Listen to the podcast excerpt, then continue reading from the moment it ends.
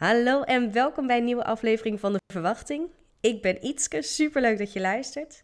In deze podcast blikken vrouwen terug op hun ervaring met zwanger worden, zwangerschap, bevallen en de periode daarna. In elke aflevering wordt een persoonlijk verhaal verteld. Open, eerlijk en uniek, met alle highs en lows die bij deze levensfase horen. Vandaag kijk ik er heel erg naar uit om het verhaal van Cassandra met je te delen.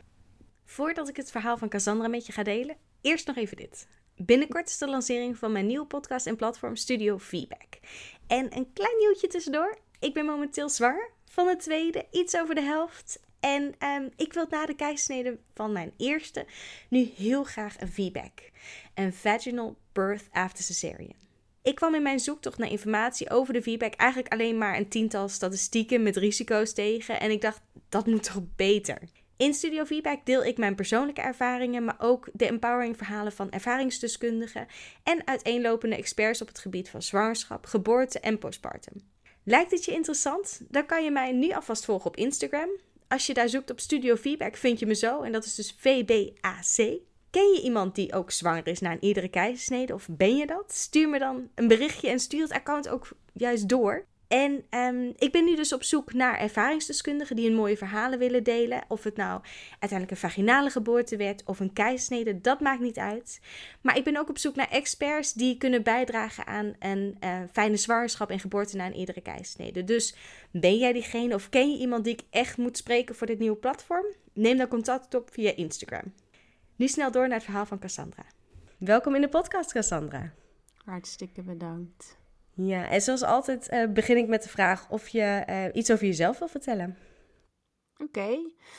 Um, nou, ik ben Cassandra en ik word dit jaar 35 jaar. Ik ben uh, inmiddels drie jaar werkzaam als doula. En um, mijn passie voor geboorte begon eigenlijk bij de geboorte van mijn dochter Juno. Dat was mijn tweede bevalling. Um, dus ja, bevallen, geboorte, dat, thema is gewoon heel erg groot in mijn leven. Ik ben er elke dag en continu mee bezig.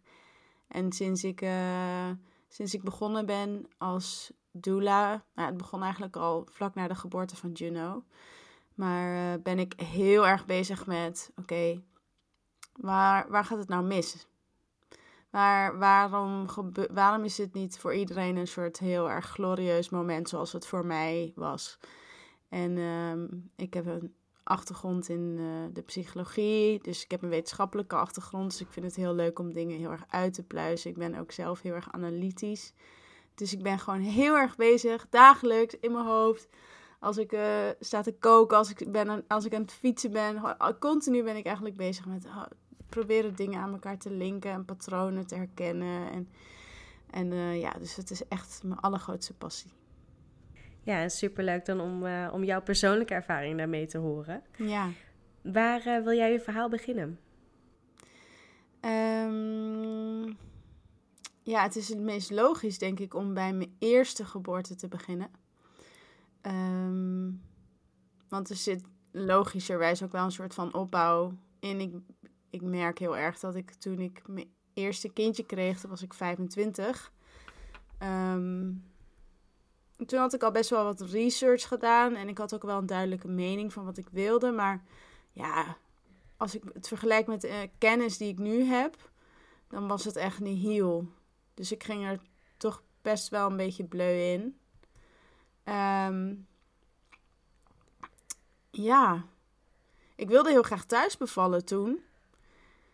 Maar tijdens de 20 weken echo kwamen we erachter dat uh, ons zoontje een aangeboren hartafwijking uh, heeft.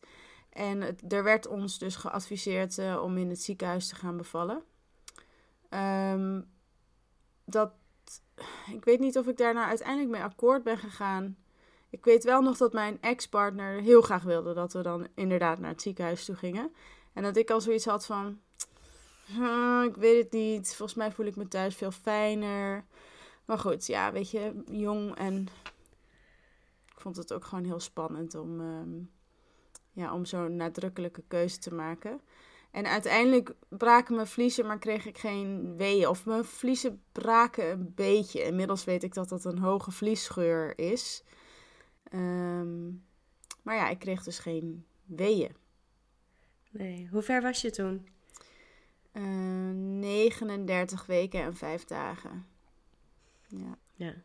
En had je iets gedaan ter voorbereiding? Uh, een cursus of boeken gelezen of verhalen gehoord van anderen? Ja, ik heb, ik heb wel toen de tijd al. Ik heb ook het gevoel dat toen de tijd er echt nog veel meer geboortevideo's op YouTube stonden en zo. Het is als ik nu, uh, nu zoek, dan denk ik af en toe van hè, waar, waar zijn al die. Toen, toen leek een soort overvloed en dan kwam ik weer op een of andere gekke video van een vrouw in Afrika die in een of andere hut stond te baren. En een hele grote verscheidenheid aan geboortevideo's. Dat, dus dat keek ik heel erg, vond ik super interessant. En ik, ik, ik geloof ook wel dat die vrouw in Afrika in die hut wel heel erg indruk op me had gemaakt. Van, ja, weet je, oké, ja. Het is ook maar gewoon een heel natuurlijk proces eigenlijk. Uh, en ik heb Ik heb toen dat hypnobirthing boek gekocht. En ook vaak die oefeningen en die cd geluisterd. Dat was toen nog met de cd. um, en ik deed zo'n soort van gratis zwangerschapscursus vanuit de gemeente. Volgens mij heette dat Samen Bevallen of zo. Heel simpel als ik erop terugkijk. Ja. Had je, hoe, ja, hoe keek je naar de bevalling? Had je daar uh, vertrouwen in, vertrouwen in je lichaam. En, en ja, je wilde eigenlijk liever thuis, maar dat werd dan toch ziekenhuis. Hoe vond je dat? Um, ja, ik had, er wel, ik had er wel vertrouwen in. Ik had ook uh, ik had niet veel mensen om me heen die toen al kinderen kregen. Maar ik had één soort van kennis. Zij was dan thuis bevallen. En toen dacht ik wel van, ja, dat, dat, weet je, het is eigenlijk, voelde voor mij ook een beetje als een soort identiteitsding of zo. Van, wat past beter bij je identiteit? Kun je je meer vereenzelvigen met vrouwen die thuis baren? Past dat beter bij je? Of, uh, of ben je meer iemand die. Ja, kan je meer uh, relateren aan vrouwen die in het ziekenhuis. En voor mij was het echt meer het natuurlijke en thuis. Um, dus toen ik in het ziekenhuis ging bevallen, toen. Ja, dat vond ik wel jammer. Maar weet je, je wordt vanaf jongs af aan ook wel echt geïndoctrineerd met het idee van. Ja, je weet nooit hoe het loopt. Dus je moet je maar gewoon aan overgeven. Weet je wel? Dus ik had dat ook wel. Ik zei dat ook wel de hele tijd tegen mezelf: van oké, ja, dit is ook oké. Achteraf gezien was dat natuurlijk niet oké. Nu zou ik het nooit meer zo doen. Ik, had, ik zou gewoon thuis zijn gebleven. Maar ja, voor toen was het prima. Ja. En wat was toen, ik neem aan dat je de verloskundige belde toen, uh, toen je vliezen waren gebroken of het ziekenhuis? Ja, de verloskundige. Ja. Ja, die zeiden gewoon, oh, ja, uh, nee. Ja, zo van, uh, nou, over 24 uur dan moet je wel weeën hebben, want anders dan moet je naar het ziekenhuis. Word je overgedragen. Oh ja, oké. Nou, toen gebeurde er niks. Want het plan was toen nog wel om thuis te bevallen, nee, nee, toch? Nee, Moest gewoon echt naar het ziekenhuis uh, vanwege de, de afwijking. Ja, dat hadden we wel al besloten. Maar omdat, we, omdat we dan uh, gewoon uh, een goed begin, of een goede start zouden... zouden ja. Weet je, dat we, dat we voor die kleine in ieder geval, mocht er wat nodig zijn, dat er goede apparatuur in de buurt was. Ja. Um, maar we hadden nog niet bedacht dat het een inleiding zou worden. Nee, want die weeën, die kwamen nee, niet. Nee, die kwamen niet. Ik heb echt heel veel, heel veel rondjes door het Vondelpark gelopen. En uh, ik heb nog een massage gehad. En ik heb, ben elke dag naar een acupuncturist geweest. Ik heb uiteindelijk wel het gevoel dat dat er wel uh, wat in gang had gezet, die, die acupunctuur. Ik heb daar wel goed gevoel bij. Want toen ik uiteindelijk, eh, volgens mij hebben we toen het echt helemaal gerekt tot aan 72 uur of zo. Toen kwamen we s ochtends het ziekenhuis binnen en toen had ik al drie centimeter ontsluiting. Dus dat was wel um, fijn. Er was een soort van begin gemaakt. Ja, ja dat is een, een fijner startpunt om dan uh, met de inleiding uh, verder te gaan dan dat je helemaal nog geen beweging in de, in de ja, gang hebt gezet. Zeker. Ja. En wat was verder uh, het plan daar? Nou, ik, ik zou dus uh, aangesloten worden aan de, aan de synthetische oxytocine, syntocinon. Dat gebeurde ook vrij snel nadat we aankwamen. we waren daar volgens mij, ik, ik herinner dat we echt heel vroeg in de taxi zaten, volgens mij om half zeven of zo. En ehm, nou, werd aangesloten en eerste paar keer dat ze het gingen ophogen, voelde ik nog niet zoveel. Dus ja, we hadden het eigenlijk wel heel erg leuk. Gewoon ochtendje in het ziekenhuis. Uh, zaten een beetje filmpjes te kijken en heel ontspannen. Wat ik heel jammer vond was dat ik wel een aantal keer had aangegeven van ik zou graag onder de douche willen. Um, omdat ik echt dacht dat dat mij zou helpen en ook het vrij kunnen bewegen, zeg maar. Maar toen zeiden zij echt van, uh, ja, nee, ja, je kan wel zo rondom het bed bewegen, maar je kan niet, naar de, je kan niet uh, onder, de, onder de douche gaan staan. Dus er was nog geen draadloos CTG toen. Um, dus daar baalde ik wel heel erg van. En toen om half één of zo, aan het begin van de middag, toen in één keer, toen begon het echt in één keer, pam, echt klabam. Het, is echt, het was gewoon, in één keer was het keihard aan. En het begon met dat ik echt ontzettend veel moest poepen. Ik bleef maar poepen, poepen, poepen. Er was gewoon... En, en mijn, mijn toenmalige eh, partner en ik hadden nog, niet, nog nooit scheten bij elkaar in de kamer gelaten. Ik werd na een jaar een soort van als verrassing zwanger. En uh, dus het was best wel een soort van, oh mijn god, moet hij, ging hij mijn billen afvegen. Weet je, ik kan me dat nog wel herinneren dat ik echt dacht, oh my god, hij gaat mijn billen afvegen, wat awkward. Maar goed, dus heel veel poepen. En toen, uh, ja, toen ben ik weer terug rondom het bed gegaan. Heb ik op de bal gezeten en een beetje geprobeerd om ermee te dealen. Maar het kwam al echt vrij snel heel erg intens. En toen raakte ik even in paniek. En toen dacht ik van, oh, oh shit, wat ga ik nou doen? Hoe ga ik dit nou doen? Oké, toen kwam de verloskundige, die ging me toucheren. Toen zei ze 4 centimeter. Die was helemaal, zij was helemaal blij. En ik dacht echt, 4 centimeter? What the fuck, dit ga je toch niet menen, weet je? Ik moet nog... Uh... Ik zei, ja, hoe, wat, hoe, lang duurt het dan nog? Ze ja, gemiddeld een centimeter per uur. Ik denk dat we eh, toen inmiddels op, uh, om, op twee uur uh, smiddags zaten of zo. Misschien wel half drie. En toen, ja, toen was ik het echt even kwijt. Dat kon ik me echt nog wel herinneren. Dat punt dat ik echt in zak en as zat. Van jezus, dit, dit, dit is veel te... Maar ik had ook echt, echt veel wee. Ik had wel iedere, iedere twee minuten had ik wel een wee, denk ik. Dus toen, uh, vrij snel daarna, heb ik om pijnstilling gevraagd. En toen heb ik Remy fentanyl gekregen. Ik, heb, ik wist toen ook nog niet dat ik gewoon die pomp weer terug omlaag had kunnen zetten. Weet je wel, dat soort dingen die ik nu weet, die ik ook doe met cliënten, dat, dat wist ik toen gewoon niet. Dus ik dacht, nou ja, fuck het dan maar, die, die pijnstilling. En wat ik heel erg jammer vond, was dat, dat ik in bed lag en dat ik aan al die snoeren lag. Ik voelde me helemaal niet soort van sterk en oer en een soort van sexy en powerful. Ik lag dan gewoon een soort van plugged into the matrix met hier een hoe noem je zo'n ding bloeddrukmeter en dan een saturatiemeter en overal draden. Ik weet, ik kan me nog zo goed herinneren dat ik daar helemaal gek van werd. En uh, maar goed, was wel, wat wel heel chill was, was dat ik met die remifentanil wel tussen de weeën door echt heel erg goed kon ontspannen. Dus uh, ik, ik ging wel echt in een soort van hele diepe, soort van spacende ontspanning. En uh, het zal ongeveer half vier zijn geweest, of misschien zelfs vier uur, dat ik echt dacht van, tering, ik moet, ik moet, moet weer poepen, ik moet poepen. Ik krijg een soort drukgevoel. En toen, uh, toen belden we dus weer, drukten we weer op het knopje. En toen kwam er echt zo iemand van, uh, ja, ja, nou, uh, we hebben u net getoucheerd met 4 centimeter, dus het zal wel niet zoveel zijn. doe nog maar even rustig.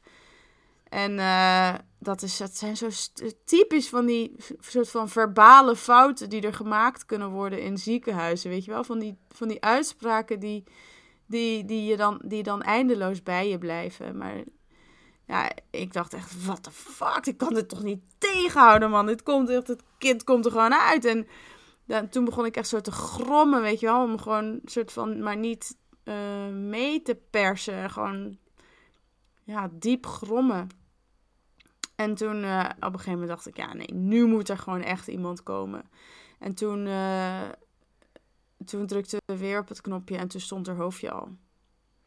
Dus uh, Zo. toen was ze echt met, met oh, haar hoofdje, zijn hoofdje. Um, met drie persweeën is hij uiteindelijk geboren, echt als een kanon. Dus om half vijf is hij geboren. Dus ja, uiteindelijk heeft heel die inleiding maar vier uur geduurd. Dus dat was op zich wel chill. ik had er wel zo, ik dacht toen wel al van, oh, oké, ja, ik kan dit wel, dit baren. Ik kan dit wel. Ik ben hier wel goed in of zo, weet je wel. Oh, fijn dat je dan toch nog dat gevoel had. Ook al wat je net zei, dat je een soort van Matrix-staal vast zat en allemaal dingen. Maar dan, ja, op dat moment zelf misschien niet in het oorgevoel kon tappen. Maar later wel kreeg van holy shit, mijn lichaam heeft dit wel gewoon gedaan. Ik heb dit gedaan. Heel fijn. En hoe ging het met je zoontje? Ja, het ging, het ging eigenlijk supergoed met hem. Hij, had gewoon meteen een hele goede score. En hij hoefde ook niet uh, even weggehaald te worden bij mij. En ze hebben ook heel netjes gewacht met het afnavelen en zo. Dus dat was heel erg fijn. Maar ik heb die. Ik weet nog wel dat ik toen in het ziekenhuis waar ik bevallen was, daar was een soort van nadat je bevallen was, kwam je in een soort van zaal terecht met, met allemaal andere vrouwen. Dus uh, ik lag op een kamer met vier andere vrouwen. Mijn, mijn ex-partner mocht er toen ook niet bij blijven. Dus die eerste nacht was echt, dat was echt zo bizar. Zo'n soort van Twilight Zone of zo. En, um, en ik was echt helemaal soort van pumped up van de adrenaline. Dus het lukte mij echt helemaal niet om te slapen. Dus toen zei de verpleegkundige van... Weet je, jij moet echt even slapen. Je hebt net een kind op de wereld gezet. Je moet echt even slapen. Ik neem je zoontje wel even mee. Ik leg hem gewoon bij de andere baby's. En uh, ga, komt helemaal goed. En ik zo, maar jullie laten hem niet huilen. Jullie laten hem niet huilen. Nee, we laten hem niet huilen. We zijn, er is iemand bij. En komt helemaal goed. Ga jij maar slapen. En toen heb ik denk ik gewoon een soort van anderhalf uur geprobeerd om. Ik denk dat ik wel een beetje ben weggezakt, maar daarna dacht ik, nee, dit kan echt niet. En toen ben ik echt zo die gang opgelopen naar waar al die baby's stonden. En toen, uh, toen zag ik hem daar uh, in, in zo'n uh, zo'n soort van plastic ziekenhuisbedje liggen, huilen. En toen, toen ging ik echt gewoon dood. Toen, dat deed zoveel pijn. Oh, ik kan er nu nog van huilen terwijl ik het vertel. Oh, vond ik zo erg. Nog steeds voelt het als falen, weet je wel. Dat je gewoon je paar uur oude baby. Er moet gewoon meteen op gereageerd worden. Hij moet gewoon bovenop mij liggen. Maar ja, ik was er ook maar alleen, weet je wel. Dus ik denk dat goede support en dat, er gewoon, dat je gewoon een, een support om je heen hebt. Dat dat zo belangrijk is. Want dan kan jij er gewoon helemaal zijn voor je, voor je kindje. Ja, nee, zo'n start in het ziekenhuis. En zeker als je partner dan niet uh, bij mag zijn, dat uh, kan wel even anders lopen dan je ja, en, liefst zou willen. En ook in zo'n zaal met allemaal andere vrouwen, met andere baby's die ook allemaal gingen huilen s'nachts. Ja, het is maar tien jaar geleden, maar het voelt echt een beetje middeleeuws. Ik ben echt blij dat mensen nu gewoon een eigen kamer krijgen. Het was om nog wat controles bij je zoontje te doen. Of hem even in de gaten te houden dat jullie nog moesten blijven. Wat was het? Uh, oh ja. Uh, omdat ik dan 24 uur gebroken vliezen had, wilden ze kijken of hij niet nog een infectie hmm. zou krijgen. En toen hebben ze dus ook nog hem op een gegeven moment bijgevoed met Nutrilon. Zomaar omdat ze vonden dat hij eh, te snel eh, afviel. Ik, ik, ik weet eigenlijk niet eens meer. Dat vond ik ook kut.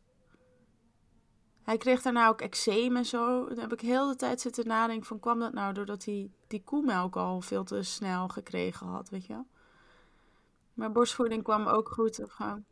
ja, dat hadden we sowieso wel even kunnen overleggen. Ja, absoluut. Ja. Nou, we moeten nog twee verhalen. Dus ik... Ja, uh, dus we moeten door. we moeten door. Even doorpakken. Hop. Um, nee, wanneer... Um, want je zoontje had je met je, je vorige partner. En um, wanneer kwam uh, ja, een soort van de wens voor een tweede kindje voorbij? Nou, eigenlijk wel vrij snel toen ik mijn nieuwe partner ontmoette. Want wij ontmoetten elkaar natuurlijk toen we allebei al een zoontje hadden. Dus wij ontmoetten elkaar als, al, al als ouders. En ik heb hem, ik ben ook echt als een blok voor hem gevallen, omdat hij zo'n ontzettend leuke vader is.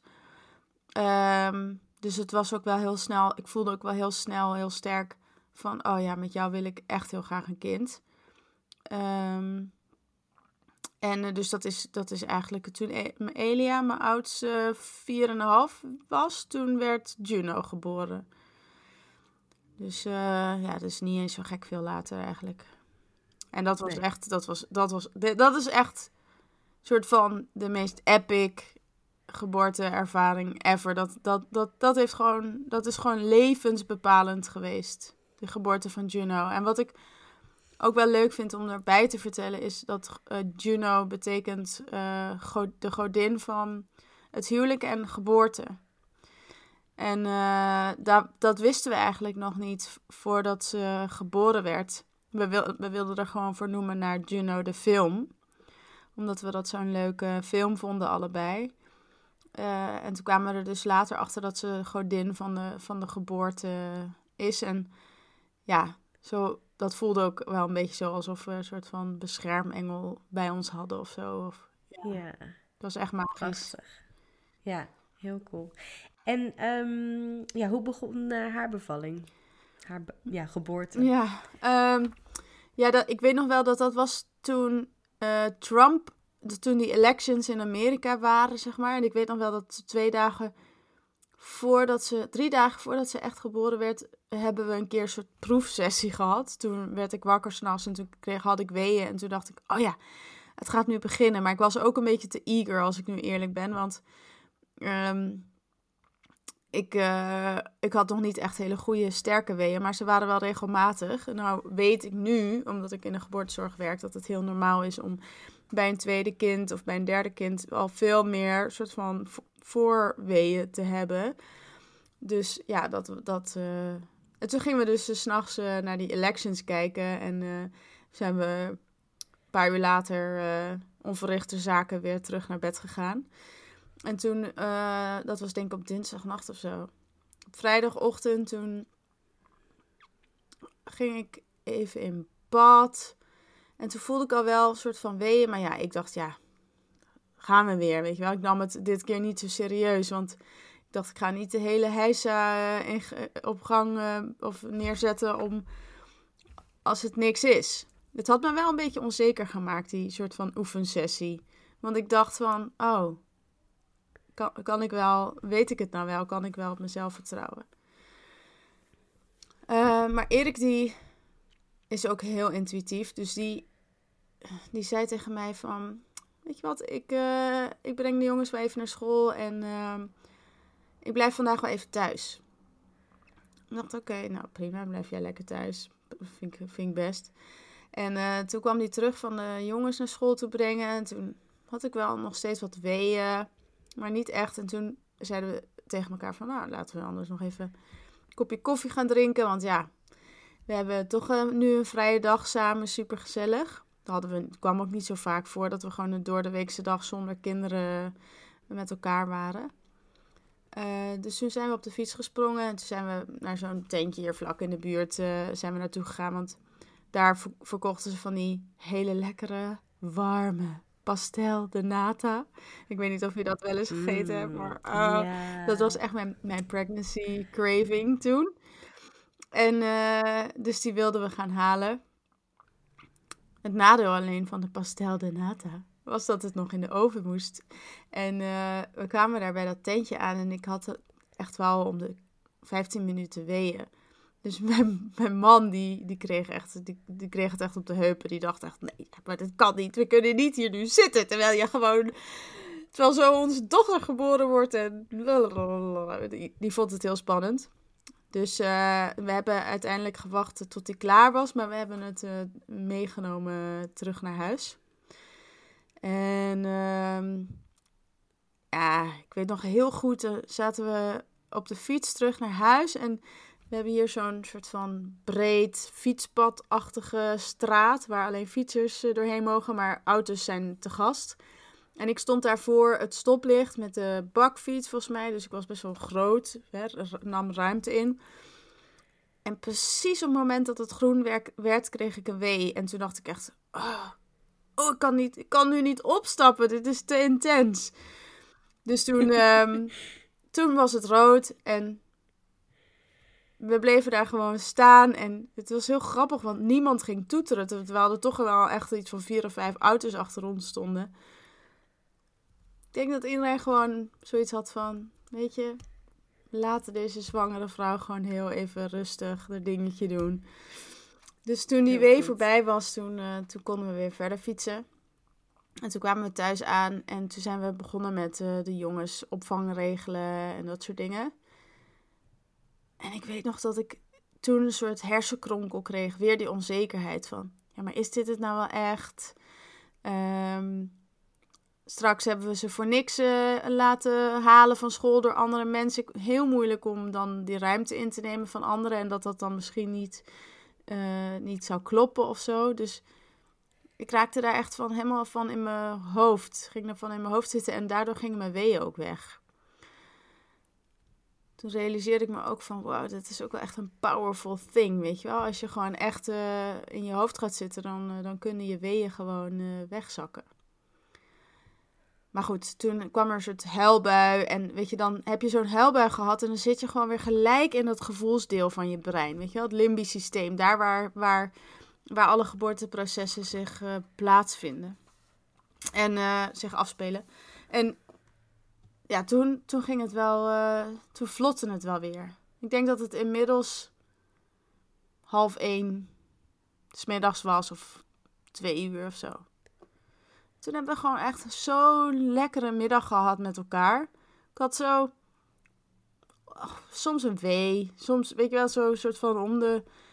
5, 6, 3, 8, 2, 4. Het was een beetje een soort van random uh, ritme.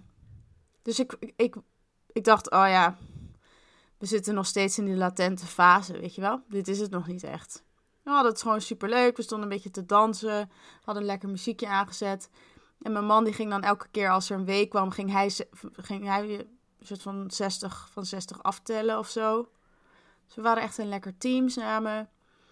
En uh, op een gegeven moment dacht ik, oh, ik weet niet meer wat ik wil. Wil ik nou staan? Wil ik nou zitten? Wil ik op... En dan ging ik ook echt van staan, zitten, hurken op de grond. En dan, nee, toch weer, nee, weet je wel, dan was ik gewoon een soort van uh, uit, mijn, uit mijn hum.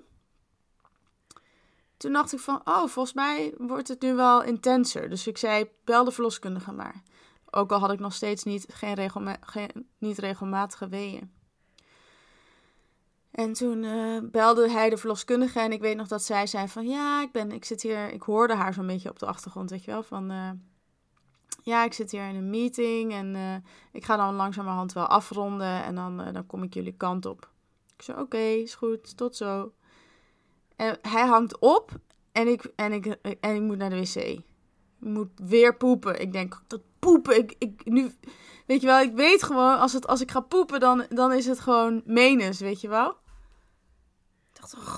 En ik had echt zo'n soort van, dat ik het even niet meer wist. En... Uh, Oh nee, hij, hij had nog gevraagd bij die, toen hij er de eerste keer aan de telefoon had van... Hield hij de telefoon zo even weg, zei hij... Kas, wil je dat ze nu komt? En ik weet nog dat ik toen dacht... Ja, ik weet het niet. Is dit het nou echt? Ik weet het niet. Ik weet eigenlijk nog niet of ik wil dat ze komt. Maar toen ik dus eenmaal op die wc zat en een soort van poepgevoel had... Toen dacht ik, oh ja, laat haar maar komen. Dus ik, dus ik zei tegen Erik van... Ja, bel er nou... Bel er Bel er nou maar dat ze wel echt moet opkomen en dat ze haast moet maken. En hij hangt op en ik krijg echt zo. Oh my god. Ik kreeg gewoon echte persdrang. Gewoon reflectoire persdrang. Zo, zo'n inside-out moment, weet je wel.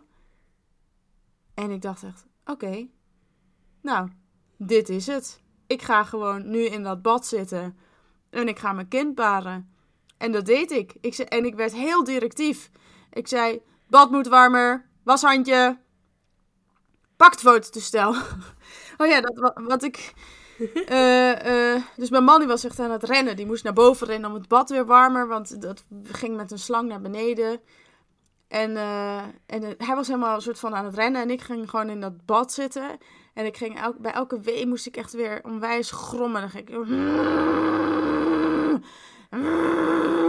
ik zat ik zo te grommen in dat bad. Maar ik was wel echt helemaal in control of zo. Ik was gewoon... Ik wist precies wat ik aan het doen was. En ik voelde haar ook zo in mijn buik die speeldraai draai maken. Want ik had inmiddels echt nog veel meer over geboorte geleerd. Speel, maken. En ik dacht, wow, epic. Ik voel dit allemaal. Dit gebeurt gewoon echt. En toen werd er dus eerst een deel vlies geboren. En toen dacht ik, oh my god, ze wordt in de vliezen geboren. ik, ik kan, het, kan het me allemaal nog zo goed herinneren dat ik gewoon zo bewust was van, oh, ze wordt in de vliezen geboren. Eer, je moet nu foto's maken. Dit geloof je niet. ik dacht, dat dit meen je niet. Ik ben gewoon alleen thuis, ze wordt in de vliezen geboren. En toen, uh, ja, toen is hij foto's gaan maken en toen binnen drie weken was ze er. En ze werd geboren in de vliezen. Ze, ze lag gewoon nog te slapen. Ze lag gewoon, ze werd gewoon geboren zoals ze in mijn buik zat. Gewoon helemaal chill. Echt helemaal chill. Toen had ik wel echt even zoiets van, oh, oké. Okay. Uh, ja, wrijven. Wrijven op de rug. Dat had ik gezien in die filmpjes. Wrijven op de rug. Uh, reageerde ze nog niet echt. Ze ging nog niet huilen of zo. En ik wilde gewoon heel graag dat ze een soort van heftiger, levendiger iets ging doen. Dus toen dacht ik, mm, Misschien moet ik op haar neus zuigen of blazen. Of... Nou, toen heb ik allemaal dat soort dingetjes geprobeerd. Maar ze was gewoon heel chill. Ze was ook hartstikke roze. Het was gewoon, ze was gewoon helemaal gezond. En mijn man die zat naast me met echt van die hele grote, hele grote pupillen. Die, ik, ik zag de angst in zijn ogen, maar tegelijkertijd zei hij alleen maar tegen mij... Goed zo, schatje. Je doet het zo goed, schatje. Je doet het zo goed. Jezus, je doet het zo goed. Oh mijn god, oh mijn god. Oh, je doet het zo goed. dus was heel... ja. Compleet onder de uh, indruk. Ja. Toen, toen op een gegeven moment toen, oh, uh, ging goed. de bel. En toen uh, zei Erik, dat vertelde die later, van ja, ik wil jij iemand voorstellen. En, en de verloskundige zei, die, die ging in haar hoofd dan, huh, wat, bedoelt, wat bedoelt hij nou? Want, huh, huh, die snapte er helemaal geen fluit van. Dus ik kwam die kamer binnengelopen en die zag mij zo in dat bad zitten. Ja, er zat ook helemaal geen bloed in bad of zo. Het was gewoon heel, heel sereen. De, de zon scheen mooi naar binnen. Ja, het was gewoon helemaal, was meteen helemaal oké. Ja. Ja. En zij komt binnen en denkt, oh, oké. Okay. Kindje is geboren. Ja. ja. Het is gelukt, het is gedaan. Oh, wat goed. Ja, het was echt heel gaaf. Heel gaaf. Het was echt uh, life-changing. Ja. En um, ben je in bad gebleven voor de bevalling van de uh, placenta? Nee, of, daarvoor ben, ik uit bad gegaan. Ja. Ja, ik voelde me dan op een gegeven moment toch een beetje een soort van onhandig in dat bad of zo. Dus toen ben ik daarvoor uh, eruit gegaan. En dat kwam eigenlijk ook uh, gewoon goed. Ja. Heel raar gevoel. Een soort van blob. Zo'n gekke blob die er dan uitkomt. Dat je ook niet weet hoe je, daar, hoe je dat soort van eruit moet persen, maar dan pers je en dan komt er toch wat. Ja. ja, ik denk dat je het wel heel goed omschrijft, zo ja. En um, wilde je borstvoeding geven? Had je daarover nagedacht? Of ja, ik wilde heel graag borstvoeding geven. Ja, ja. Dus uh, ja, dat ging eigenlijk. Dat, dat deed ik ook op een gegeven moment toen we in dat bad zaten. Toen dacht ik, ik leg er gewoon aan. Want als ze kan drinken, dan, uh, dan kan ze ook ademen. En ik moet ook wel zeggen dat ik wist ook wel dat ze de eerste 10 minuten nog gewoon zuurstof vanuit de placenta kreeg. Dus ik maakte me niet echt zorgen. Ik wist dat, ik had, dat, ik had het allemaal bestudeerd. Ik wist ook, ik had een soort van toevallig, not really toevallig, maar met mijn verloskundige filmpjes zitten kijken um, van een kindje dat in de vliezen geboren werd. Dus ja, het was gewoon, ik, ik voelde me gewoon helemaal goed voorbereid. Ja. Ja, heel fijn. Ja, het is inderdaad al fijn, denk ik, om te weten dat het kan, dat het gebeurt. Dat je niet ervan schrikt als het ineens anders uitziet dan soort tussen haakjes het normale scenario. Dat geeft denk ik ook al een stuk rust. En je zag verder wel gewoon dat ze ademde. En ja, ze, ze was Nee, gewoon niet was overstuur gewoon zo chill. Ik, ik heb ook als je die filmpjes bekijkt, dan zie je er echt zo'n soort van... Helemaal met haar oogjes zo heel langzaam open van... Huh? Ben ik nou weer terechtgekomen? Helemaal niet een soort van... Ja, ja dat... Toen realiseerde ik me ook wel van... Die, die landing is voor baby's ook wel heel verschillend. En zo'n zachte landing is eigenlijk wel echt heel erg lekker voor zo'n kleintje. Er waren echt een paar realisaties die ik had, die bevalling. Eentje daarvan was, als ik, als mijn verloskundige binnen was gekomen, ergens in het proces, dan was ik waarschijnlijk veel meer naar haar instructies gaan luisteren dan naar mijn eigen lichaam. Omdat zij er niet was, heb ik, ben ik gewoon heel erg afgestemd geraakt met mijn eigen, met mijn eigen lijf en wat het nodig had. En dus het is ergens is het super fijn dat we gewoon een soort van zorgverlener naast ons hebben. Maar op een mentaal, emotioneel niveau denk ik dat we toch heel snel geneigd zijn om de ander als een expert te gaan zien. En het is eigenlijk wel heel mooi en goed, denk ik, en juist ook voor de veiligheid heel belangrijk dat een vrouw zichzelf als expert ziet. En dat ze goed voelt dat ze juist de antwoorden zoekt in haar lichaam, in haarzelf, in plaats van in de ander. Ja. Ja. En eh, dus dat was een realisatie. En ook, ik was dus eigenlijk tijdens heel die baring gewoon aan het wachten tot ik die heftige weeën ging krijgen van die inleiding. Ik was gewoon, ik dacht, ik had totaal de associatie van hoe dit ging niet met baren. Ik dacht gewoon, baren is gewoon echt fucking heftig, super, super intens. En, ja, en natuurlijk was het niet pijnloos, maar het was zo doable. Het was zo prettig. Ja, dus ik dacht ook van, ja, dit, dit kan ook gewoon. Weet je wel, die, die, die heftigheid van dat baren, dat hoeft niet altijd. Het kan ook gewoon een hele fijne, romantische dag zijn. Oh, cool. Gaaf verhaal. Ik kan me echt voorstellen dat dat ook echt wel iets met je doet ten opzichte van hoe je naar jezelf kijkt en eh, naar geboorte geven kijkt. En, en ja, hoe anders je dan ook naar zo'n pasgeboren Ja. kindje kijkt. Dat je denkt, oh, zo kan het ook. Ja, absoluut. Echt heel cool. Mooi. En ehm, hoe was je herstel van de, van de Ja. bevalling? Eh, ik was gewoon hyper. Ik ben nog nooit in mijn leven zo hyper geweest, denk ik. Ik ben bijna, echt bijna gewoon met mijn kind. Ze werd om half vijf geboren. Om half zes werden de jongens gebracht, denk ik. Toen deed ik zelf de deur open. Ik ben op dat moment bijna met mijn kind naar buiten gelopen om bij alle buren te gaan aanbellen. En te gaan vertellen van, nou, dit geloof je niet wat er nu gebeurd is. Echt, ik was hyper. Dagenlang. En ja, dat was al af en toe naar hoor, want dan wil je gewoon een beetje rusten en dan voelt je lichaam zo pumped up. Dat vond ik af en toe wel moeilijk. Maar heel eerlijk gezegd, ja, dat herstel ging gewoon hartstikke goed. Ik, had, ik was ook niet uitgescheurd, de eerste keer ook niet. Lekker. Heel goed. En ehm, was eh, de, de zwangerschap van je tweede dochter, was dat gepland? Of kwam zij oh ja, als een verrassing voorbij? Nou, een beetje gepland. Ik had in december mijn spiraal laten verwijderen. En ik was nog niet ongesteld geweest nadat ik hem had laten verwijderen. Dus we hadden niet echt het idee van, oh ja, dat, we waren niet echt bewust. Ik had hem niet laten verwijderen omdat we kinderen wilden krijgen. Maar we hadden ook een soort van niet bedacht van wat we dan als alternatief gingen doen. Dus het was een beetje zo in de middel. We hadden het er niet echt over gehad. Maar er was één keertje, toen hadden we met elkaar gevreden. En toen... Ik weet nog dat we daarna samen in de keuken stonden. En dat Erik zei tegen mij...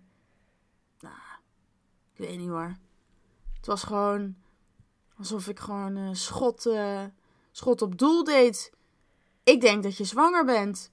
En ik weet nog wel dat ik ook tijdens het vrije in één keer zo... Zo'n gevoel had van... Wow, wat gebeurt hier? Dus ja, voordat we die zwangerschap, zwangerschapstest vast hadden, dachten we natuurlijk nog dat dit een soort van. Dat we, dat we dat verzonnen hadden. Maar ehm, achteraf gezien hebben we dat toch allebei best wel goed soort van aangevoeld. Ik, ik weet ook nog wel dat bij de derde. Ja. Dat ik. Bij de eerste had ik het, had ik het overigens ook meteen gezegd van. Nou, shit, het zal toch niet eh, zo zijn dat ik hier zwanger van ben geworden. En bij de tweede was, hadden we het dus ook meteen. En, en bij de derde voelde, voelde ik het ook al tijdens het vrij. Dat ik dacht, oeh, er gebeurt iets. In energie of zo. Ja, oh bizar. Ja, ja nou ja, jullie hadden het goed. Ze kwam eraan. Oh, je bedoelt mijn tweede dochter, mijn derde zwangerschap. Ja, oh ja, sorry.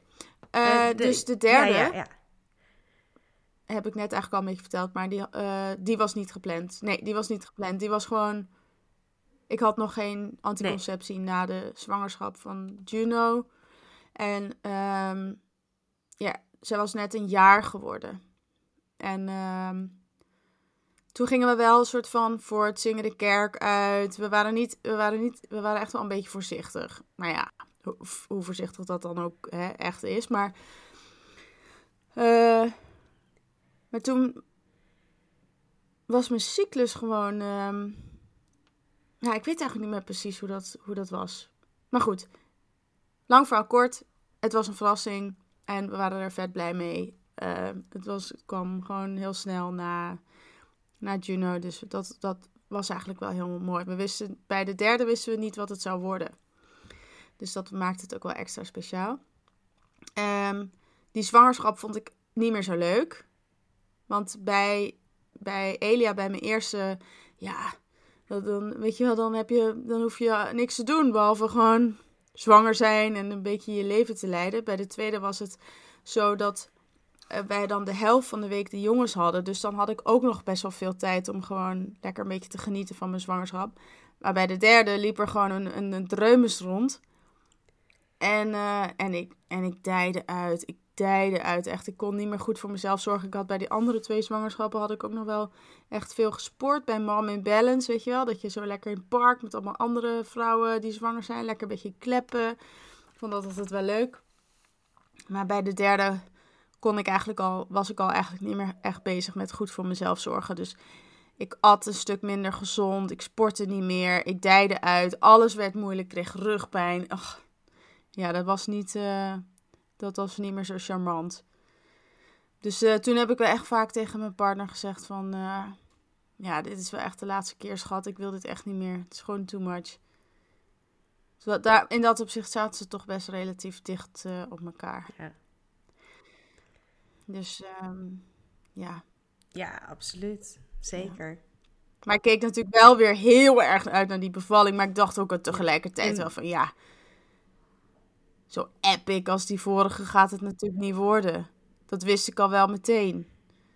En dat heb ik ook gewoon een soort van geaccepteerd. Maar inmiddels was ik wel bezig met die doula-opleiding. Dus uh, ja, ik wist nog wel meer van geboorte. En elke keer als je dan gaat bevallen, is het toch wel weer spannend of zo hoor. Het is, het is wel zo. Ook al had ik zo'n hele toffe ervaring, het was niet zo dat ik, dat ik soort van fluitend de volgende inging. Ik dacht toch wel weer van, oh ja, het is toch wel weer een groot ding of zo wat je gaat doen. En um, we hadden besloten dat we een beetje gingen kijken wat we met de kinderen gingen doen. Dat we, daar, dat we dat op een moment zelf zouden beslissen. En dat was uiteindelijk uh, een soort van het meest karakteristieke van de laatste bevalling. Was dat, uh, was dat alle kinderen erbij waren. Dus dat maakte dat weer heel bijzonder. Ja. Oh, cool, ja. Uh, dit, ditmaal hadden we echt een soort van met de verloskundige afgesproken van... zodra je iets voelt, bel je ons. Um, dus dat, uh, dat, deed, dat deed ik ook. Ik, had, uh, ik werd wakker om half zes ochtends. was een vrijdag op zaterdag volgens mij. En had ik zo'n hele lange, intense steek. En ik dacht dan, hm, dit is heel raar. Dit is veel te lang voor een wee er gebeurt wel echt iets. Wat is dit nou? En huppakee, ja hoor, vijf minuten later weer een wee. Toen dacht ik, oh ja, nou, dit, dit is wel... Uh, ik voelde wel meteen dat het, dat het aan was. Ehm, dus toen hebben we inderdaad uh, meteen de verloskundige gebeld. En toen zijn we naar beneden gegaan. Daar stond het bad. En um, toen hebben we ook een vriendinnetje van mij gebeld die uh, zou komen fotograferen. Want dat wilde ik heel graag. Ik wist dat het de laatste zou zijn. En ja, ik, uh, ik wilde daar gewoon mooie foto's van. Dus we hebben haar gebeld. Zij kwam ook vrij snel. En om half zeven of zo, toen uh, kwamen onze zoons naar beneden. Allebei al hun judo-tenue aangetrokken. Want het was zaterdagochtend en dan gingen we altijd naar judo. Dus in één keer stond... Ik zat in dat bad in één keer stonden er twee van die gastjes uh, in een judo-uniformpje uh, stonden er naast me. Ah ja, we gaan vandaag niet naar judo. Toen heeft mijn man heeft gewoon een beetje ontbijt voor ze gemaakt. Inmiddels werd mijn dochter ook wakker. De verloskundige was er. En toen, um, toen heeft mijn man de... Ja, nu wordt het ingewikkeld hoor. Want we hebben dus best wel een, een soort van uh, ingewikkelde of uitgebreide gezinssituatie. Mijn man heeft uh, uh, de nieuwe vrouw van mijn ex gebeld. En, want dat is uh, een goede vriendin van mij ook. En, en zij is toen naar ons huis gekomen om op de kindjes te passen. Dus zij heeft ze mee naar boven genomen. En zij is gewoon daar aan het gaan uitleggen van... Oké, nou dit is nu aan de hand en zo kan het eruit zien. En kinderen helemaal gerustgesteld. En dus ik wist dat zij boven waren. Dus daar was ik me er ook wel de hele tijd van bewust. Uh, ik weet eigenlijk, nou, zij was er denk ik om zeven uur, om half acht. Zoiets. En toen, um, toen op een gegeven moment, toen voelde ik wel van, oh ja, het komt wel steeds dichterbij. Ik voelde wel dat ik een soort van in transitie zat. En um, toen dachten we van oké, nou laten we, laten we de kinderen maar, uh, maar naar beneden komen. Toen heeft Marloes, dus de nieuwe vrouw van mijn ex, heeft ze zo op stoeltjes heel netjes naast het bad neergezet. En, en ik voelde persweeën, maar niet echt zo super duper sterke persweeën. Ik had zo, ja, ik weet niet. Ik, het, het voelde niet alsof het echt goed doorzette. En ja, die kids die zaten daar. Ik voelde toch wel een soort van druk. Ik, had, ik voelde niet de rust van, nou, laten we eens even kijken wat er gebeurt. Uh, ik voelde ook wel dat ze, dat ze misschien niet in de vliezen geboren zou worden. Of te, ik voelde echt dat bij Juno had ik echt zo'n soort van, bam, het knalde er echt gewoon doorheen. En dat had ik bij Lua, had ik dat niet. Um, dus toen heb ik aan de verloskundige gevraagd van, nou, breek mijn, vliezen, breek mijn vliezen. Maar ik voelde dat het niet ging gebeuren. Dus toen ben ik uit bad gegaan. Heeft ze daar uh, mijn vliezen gebroken. Terwijl ik zo hurkend naast het, uh, naast de tafel zat. En ja, dat zijn toch wel spectaculaire dingen ook voor die kids, weet je wel. Dat een beetje uitleggen. Ah, pam, en dan komt er zo heel veel water. En uh, ja, toen ben ik weer terug in bad gaan zitten. En toen kwam ze binnen drie weeën. Dus om half elf, nee, half tien s ochtends is, is ze geboren. Ja, met iedereen erbij. En het was heel erg fijn. En, en het leuke het, het soort van de cherry on top, was dat we niet wisten wat het zou worden. Dus ja, dat was een heel bijzonder moment om dan te zien dat we twee dochters hadden. Twee zoons, twee dochters. Oh, voelde een soort van extreem compleet. Echt, iedereen was een soort van in de gloria. Um, maar het was voor mij wel echt een andere ervaring. Ik denk, ik hoop dat het gewoon een hele mooie ervaring was voor het gezin. En ik hoop dat het uh, soort van ook voor mijn jongste dochter, die dus maar een jaar negen maanden was, maar dat het een soort imprint heeft gegeven van geboorte is gewoon heel leuk en fijn en gezellig. Uh, maar voor mezelf was ik toch wel echt meer bezig met zorgen. En ik zat wel meer nog in die soort van, ja, in het hier en nu. Ik was niet echt op weg in Lalaland. In Lalaland. Ja ja, snap ik. Hadden jullie het van tevoren ook met hen over gehad? Of zij erbij, uh, ja, wisten ze dat dat een, een optie zou zijn? Ja, ja, we hadden het er wel over gehad en ze stonden daar ook nog gewoon een beetje ambivalent in. Dus uh, ja, ze, ze wisten dat, ja, dat kunnen ze van tevoren ook niet zo goed uh, bedenken wat, wat dat nou is. En op het moment zelf wilden ze er gewoon heel graag bij zijn. Daarom was Marloes er ook. Ik weet wel dat er was wel een verschil in wie er als eerste naar beneden kwam. En eentje die bleef op een gegeven moment eerst nog een beetje zo aan de, in de gang staan. Vanaf daar een beetje kijken. Maar ja, ik, uh, ik, uh, ik maak wel een beetje gromgeluiden, maar ik, ik, ik heb nooit echt heel hard geschreeuwd of zo eh, tijdens mijn bading. Dus ik denk dat dat ook wel eh, prima was. Ja. Het was niet eh, een soort van heel eh, indrukwekkend, traumatiserend of zo. Nee. Nou ja, en wat je zei, ik denk dat het ook gewoon een hele mooie manier is om aan kinderen, weet je, of je kinderen dan erbij hebt, of bijvoorbeeld tijdens de zwangerschap laat zien hoe een kindje geboren wordt, eh, hoe dat echt gaat. eh, dat dat een hele mooie manier is om vanaf jongs af aan al, ja, een bevalling of een baring als een, iets heel natuurlijks te zien. Ja. En niet iets als iets engs. En ik had laatst, eh, ik ben ook gek op geboortefilmpjes en alles wat daarmee te maken heeft. Dan zag ik een hele mooie en mijn zoontje zat naast me. Ik zei, mama, wat is dat? Nou, er wordt een babytje geboren. En hij kijkt ernaar en denkt, oké. Ik denk, ja, nou ja, als dat de eerste introductie is met zo'n soort beeld, dat is dan ook gewoon, oh, oké. Ja. Want wat moet je er anders nog meer van vinden als, nou, 2,5-jarige? ja. Dus ik denk ja, dat het, dat het niet is van je baby's worden met ooiegevaar gebracht. Dat is gelukkig denk ik in de meeste gevallen hier in Nederland niet meer. Mhm. Maar dat het ook gewoon een mooi deel van een gezin en van een opvoeding kan zijn om dat te Ja. tonen. Ja, zeker. Ja, en het, ik, mensen vragen dan wel eens aan me van... Zou ik dat doen met kinderen of niet? En, en dan zeg ik ook altijd wel eerlijk van ja... Het is voor, voor het gezin... Ja, in mijn ervaring voor het gezin heel mooi. En tegelijkertijd voor jezelf misschien net wat minder bijzonder. Dus ja, kijk maar gewoon waar je zelf behoefte aan hebt. Ja. En wat ik me ook nog wel echt kan herinneren van die laatste bading... is dat ik... Daar heb ik ook dus... Want ik heb dus allemaal foto's. Dat was, eh, is wel heel leuk om te hebben. Overigens was ze echt... Op het moment dat ze echt kwam... kwam ze zo snel dat de fotograaf zoiets. Huh? Eh, soort van moment gemist. maar ehm, ik heb wel nog foto's van een moment... Die, wat me ook nog wel echt bijstaat... is dat ik op een gegeven moment echt ontzettend moest huilen... omdat ik echt ook tijdens die bevalling aan het afsche- afscheid nemen was van het bevallen. Van dat dat de laatste keer zou zijn dat ik zou gaan bevallen. Dat, ja, dat vind ik nog steeds heel moeilijk overigens. Ik heb ook echt wel soms periodes in mijn werk dat ik gewoon mijn cliënten benijd. Dat ik het echt moeilijk vind. Dat, ik echt dat er een deel van mij aan het rouwen is. Van, oh, dit dit is zo mooi. Het zo'n mooi proces. Zo'n mooie gebeurtenis. En dat ga ik dan helaas nooit meer meemaken. Zelf. Ja.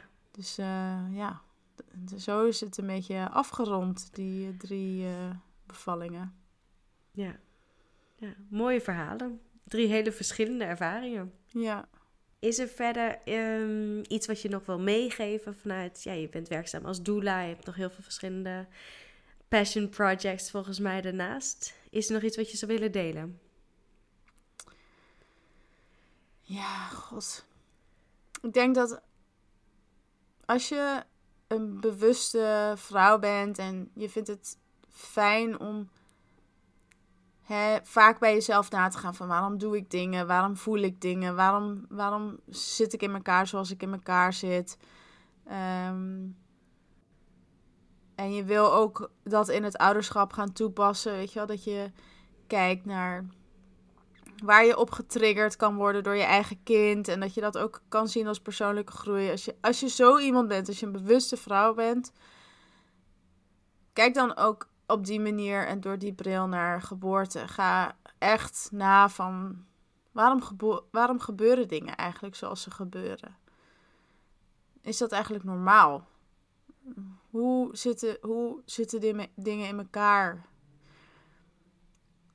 Want als je op die ontdekkingsreis gaat, dan ontdek je op een gegeven moment wel van. Hmm, er zitten eigenlijk een paar hele rare dingen, weet je wel. Dus er zijn gewoon hele protocollen in ziekenhuizen die gewoon helemaal niet gebaseerd zijn op wetenschappelijk onderzoek, maar gewoon omdat ze dat al jaren zo doen. Hmm, dat is eigenlijk wel heel raar. Ja. Of bijvoorbeeld ja, dat het ook wel logisch is dat er maar heel weinig vroedvrouwen zijn die op een hele holistische, natuurlijke manier naar geboorte kijken. Want ja, dat is niet iets wat ze op de opleiding leren. Ze leren iets heel anders op de opleiding. Het is maar net afhankelijk van wat voor type vrouw je bent of vroedvrouw je bent. of je dan ook geboorte op een natuurlijke manier aanvliegt. Ah, dat is wel interessant. Dat betekent dus, nou ja, ja. Hè? En zo kun je onderzoek gaan doen, zodat je zelf kunt beslissen hoe jij tegen geboorte aankijkt en mm, ja, hoe je het wil inrichten.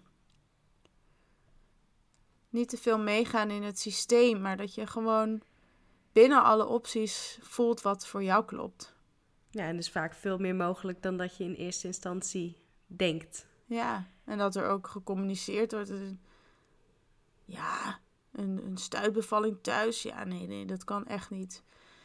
Nou, het is wel uniek, maar het bestaat wel. Ja. ja. Als je inderdaad, als dat een hele grote wens is en je vindt een zorgverlener die daar ervaring mee heeft en die zich daar goed bij voelt, dan kan dat zeker een keuze zijn die je maakt. Ja. Maar dan moet je ook wel weten dat dat überhaupt bestaat. Dat er verschillende soorten verloskundige vroedvrouwen bestaan met verschillende soorten ervaringen en inzichten en ideeën over autonomie. En ja, nee, dat is, dat is, ja, hadden we eerder ook even over. Het is een hele wereld voor mij opengegaan van wat allemaal ja, aan verschillende mogelijkheden bestaan. Ja, daar, en daar zijn doula's gewoon heel goed voor. Je kent het hele, het hele spectrum, alles wat er beschikbaar is in de geboortezorg. En die kunnen jou soort van persoonlijk maatwerk advies geven over wat er bij jou past. Dus um, even een kort reclameblok uh, voor de doula. Nee, absoluut. Nee, zeker. Ik denk dat dat een hele waardevolle rol is. Ja. En ik denk ook goed om, om te realiseren dat je dan um, ja, gewoon de tools aangereikt krijgt. En dat je jezelf dan voor jezelf moet uitmaken als, als uh, zwangere. Um, wat voor je goed voelt. Mm. En waar jouw wensen liggen. En ja, om daar een beetje hulp bij te hebben door bijvoorbeeld een doula. Ja, ontzettend waardevol. Ja. Dankjewel voor het delen van je verhaal. Ja, super graag gedaan. Het is altijd leuk om het te vertellen. Ik, ik moet heel eerlijk zeggen, ik vertel het heel vaak ook uh, aan mijn kinderen voordat ze gaan slapen. Want ze willen het altijd heel graag horen. Ik denk dat, ik het ook, dat het ook komt omdat ik het met heel veel passie vertel. Dus ik vertel het verhaal in, in ja, wat kortere vorm wel vaker. Maar um, het is wel heel leuk om dat met de rest van de wereld te delen.